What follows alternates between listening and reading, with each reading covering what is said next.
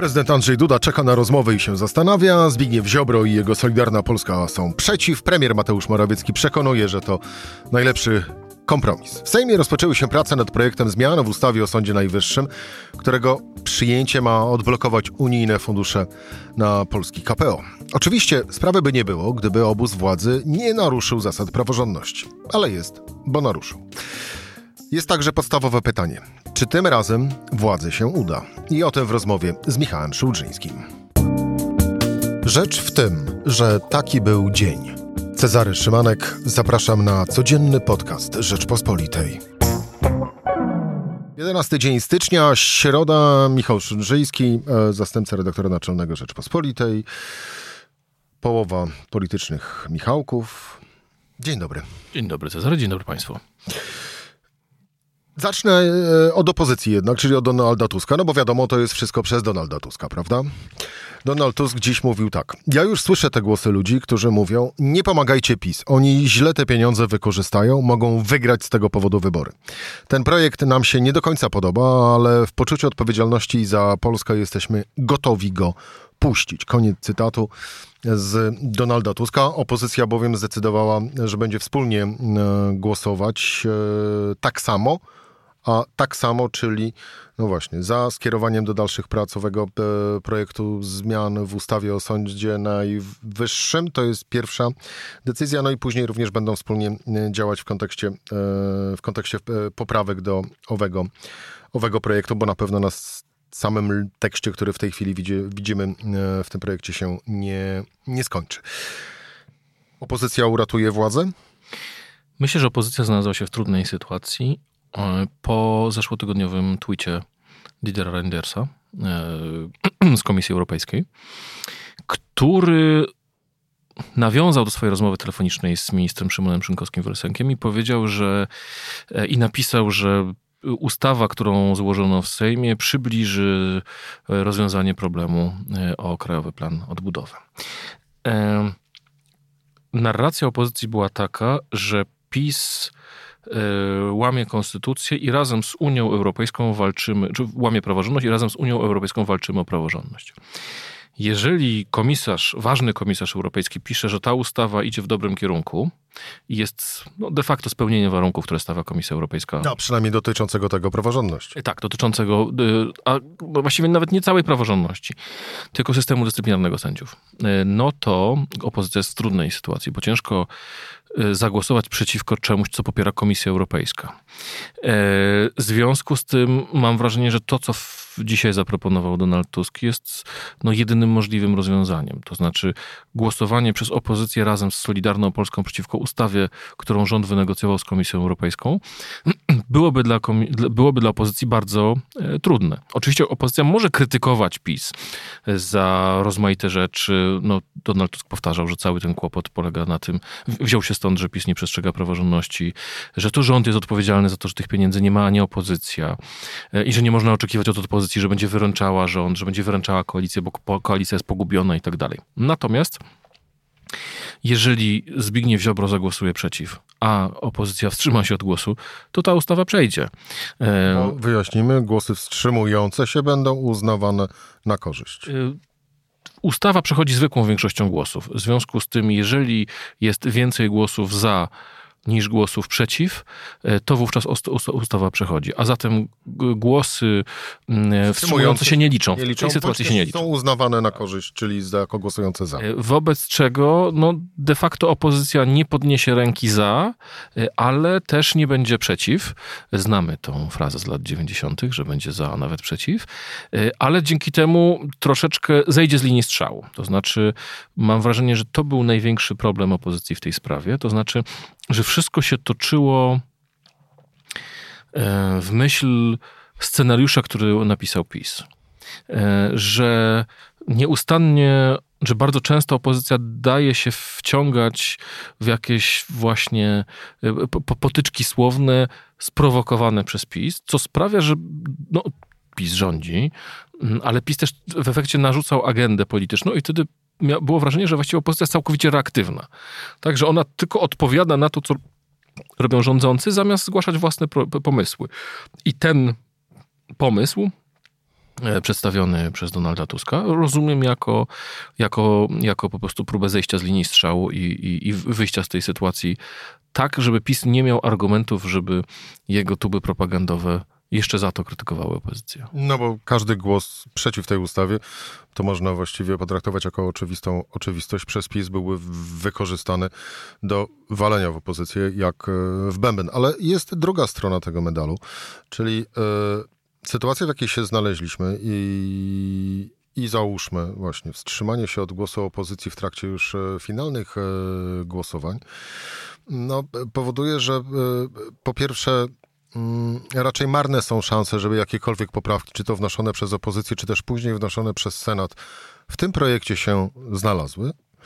A yy, po drugie, yy, to de facto yy, oznacza, że opozycja legitymuje to, co PiS chce dalej robić w ramach wymiaru sprawiedliwości, a sami prawnicy, od chociażby Stowarzyszenia Justitia, mówi o owym projekcie zmian w ustawie o Sądzie Najwyższym wprost. Mm, to jest malowanie trawy na zielono.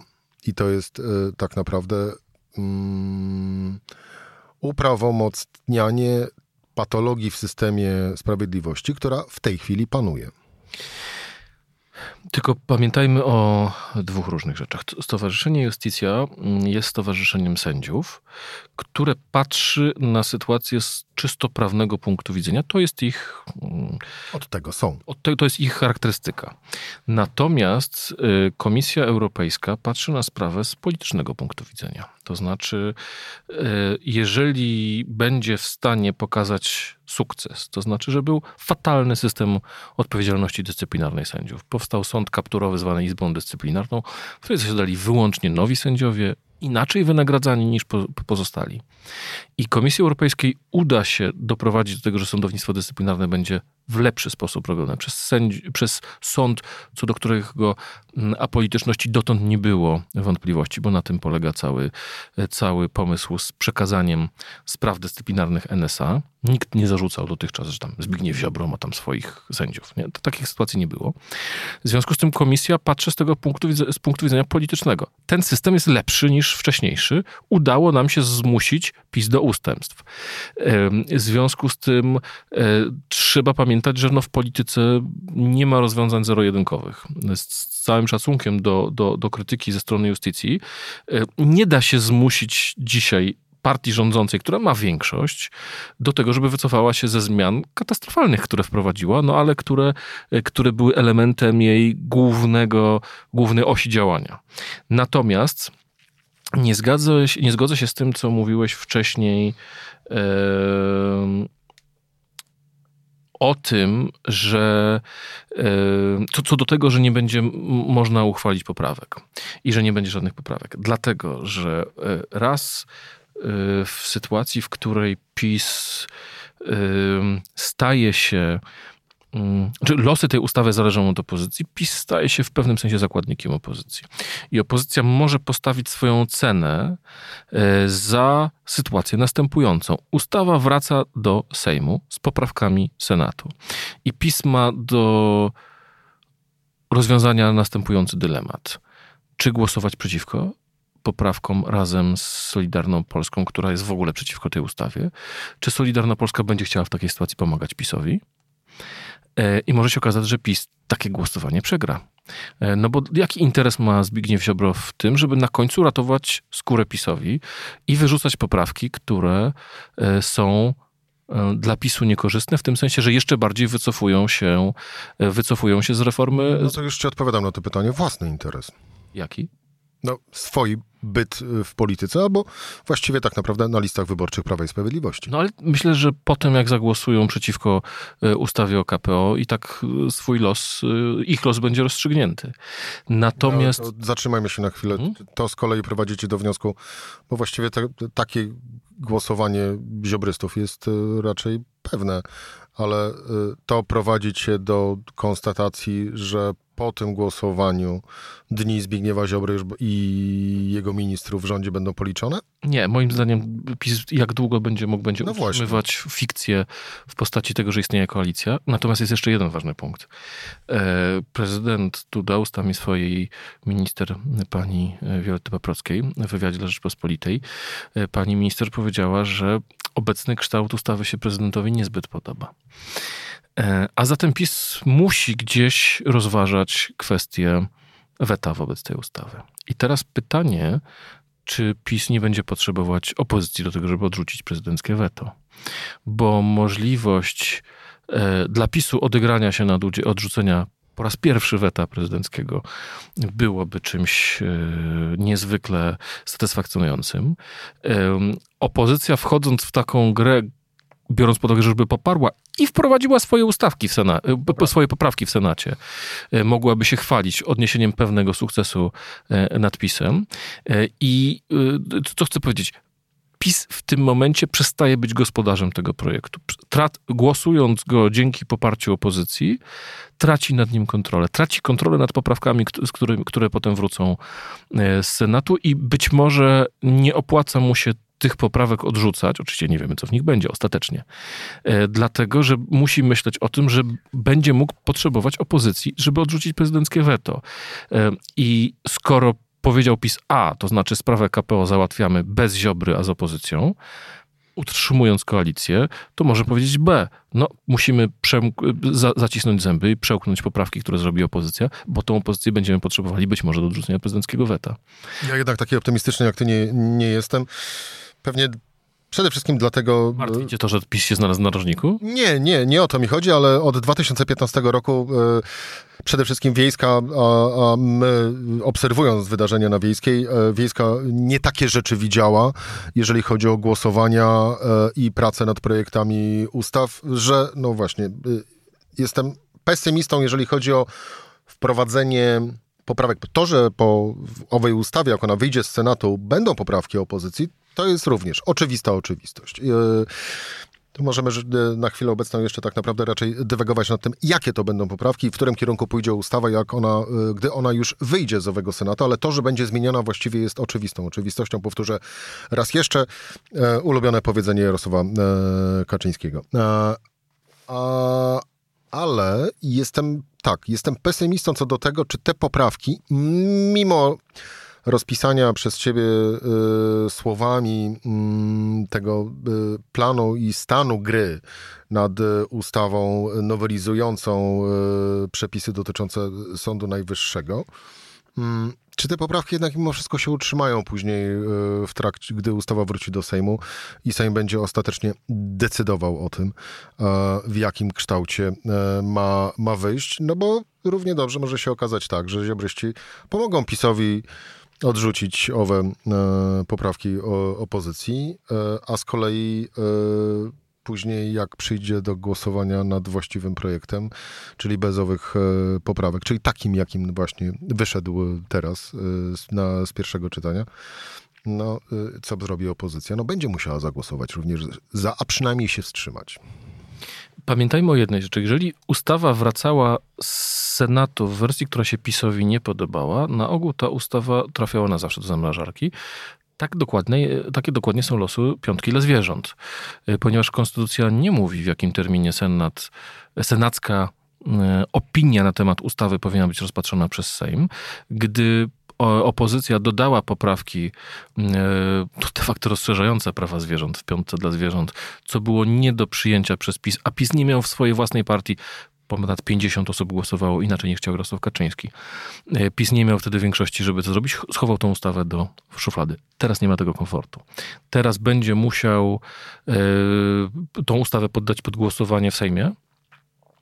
Y, przypomnijmy, że głosuje się wyłącznie poprawki. Tak? Znaczy nie, nie, nie głosuje się już samej ustawy, bo sama ustawa w tekście, w którym wychodzi z Sejmu, jest już przyjęta. No chyba, że Senat y, przyjmie, przegłosuje weto, czyli zawnioskuje o odrzucenie, no to wtedy Sejm, Sejm musi to weto od, od, od, y, odrzucić.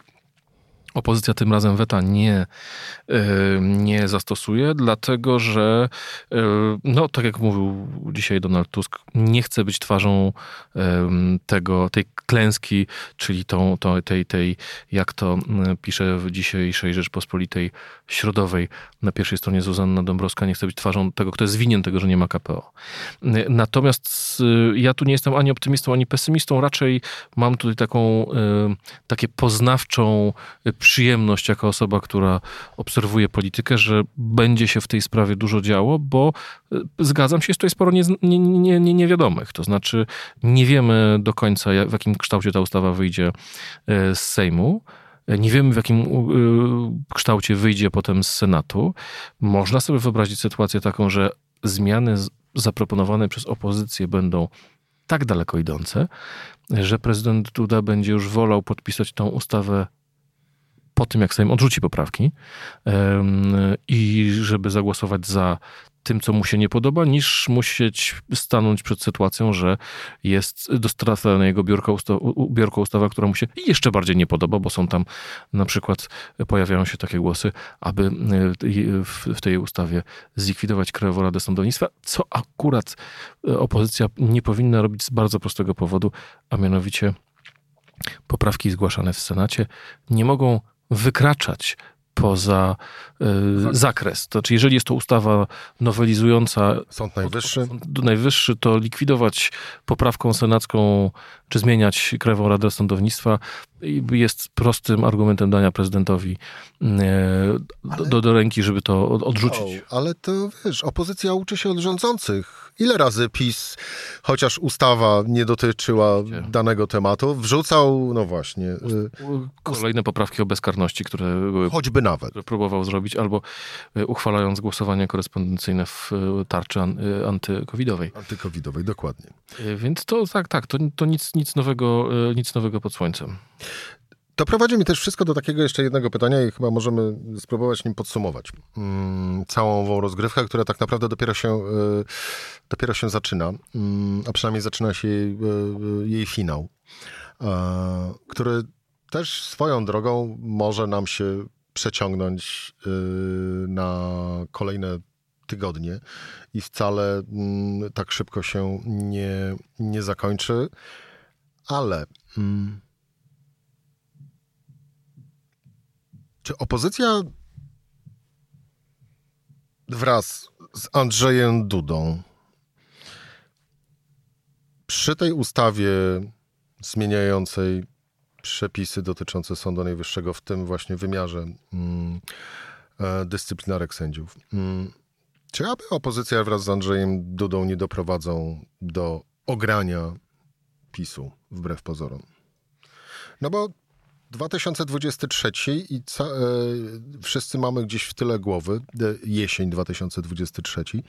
No i prawdopodobna, mm, prawdopodobna kohabitacja. Na pewno jest tak, że po raz pierwszy od dawna e, opozycja ma szansę wykazać podmiotowość. To znaczy jest w stanie realnie zmienić losy tej rozgrywki.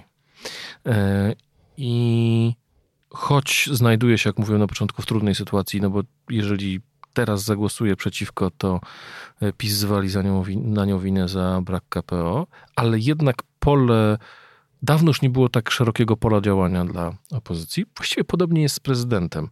E, ja mam wrażenie, że on e, trochę. Mm, no, on trochę personalnie sprawę traktuje. Jeżeli słyszymy wypowiedzi jego przedstawicieli, którzy mówią, że nie była z nim konsultowana ta ustawa, z Sejmu wychodzi rocznie setki ustaw. Czy ka każda jest konsultowana z prezydentem, nim zostaje złożona? Znaczy, no, proces legislacyjny mówi, że prezydent podejmuje decyzję na końcu, w trakcie się zmienia i tak dalej. Oczywiście po to prezydency, ministrowie uczestniczą, w, przychodzą do Sejmu, słuchają, patrzą jakie poprawki, żeby być na bieżąco, że jak jakaś jest ważna ustawa, prezydent ma, ma skończony czas, trzy tygodnie na to, żeby ustawę podpisać lub ją, lub ją zawetować. No właśnie po to mogą przyglądać się temu procesowi legislacyjnemu, zwracać ale, uwagę i tak dalej. Wiesz, no może po prostu jeszcze wtedy ani, ani, sam prezydent, ani ministrowie prezydenta nie chcieli jasno powiedzieć, no bo to cały czas mówimy o projekcie, że projekt w takiej formie zawetujemy, no bo to jednak jest też e, no, wyłożenie kart na stół, prawda? E, no, ale powiedzieli to nie wprost, więc... No, dokładnie o tym mówię. Więc, mm, ale tłumaczenie, że to dlatego, że projekt nie był z nimi konsultowany wcześniej, mnie nie przekonuje, bo takie tłumaczenie może sugerować, absolutnie wykluczam taką możliwość, ale takie tłumaczenie może sugerować, że prezydent strzelił facha. Pomińmy e, twoją tutaj e, presupozycję. E, na koniec, jak się skończy ten wielki finał o KPO? No bo chyba co do tego właściwie możemy być pewni, że to jest już chyba ostatnia rozgrywka o KPO. Kolejnej przed jesiennymi wyborami raczej już nie będzie. Nie jestem taki pewien. To znaczy ilość, yy, ilość razy, którą PiS potknął się o własne nogi w sprawie KPO, które y, w grudniu 2020 roku zostało ogłoszone jako wielki sukces rządu. Pamiętamy 2021 rok w całej Polsce wiszą plakaty. Trzy lata temu. E, dwa lata temu. Nie, trzy lata temu. Trzy lata temu. E, to wynegocjowano. Dwa lata temu w całej Polsce wisiały plakaty o tych 770 miliardach. Rząd już dawno e, w duchu wydał. Obywatele uważają, że te pieniądze są i dawno nam się należą, a, a wciąż ich nie ma. Michał Szulżyński, zastępca redaktora naczelnego Rzeczpospolitej. Dziękuję Ci bardzo za rozmowę. To była Rzecz w tym w środę. Cezary Szymanek. Do usłyszenia jutro o tej samej porze.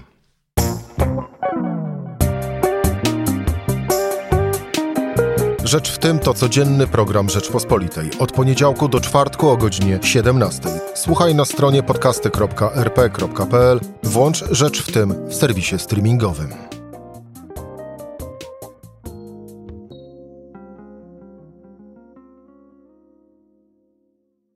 Poznaj mocne strony Rzeczpospolitej. Wejdź na prenumerata rp.pl. Polecam. Bogusław Rabota, redaktor naczelny.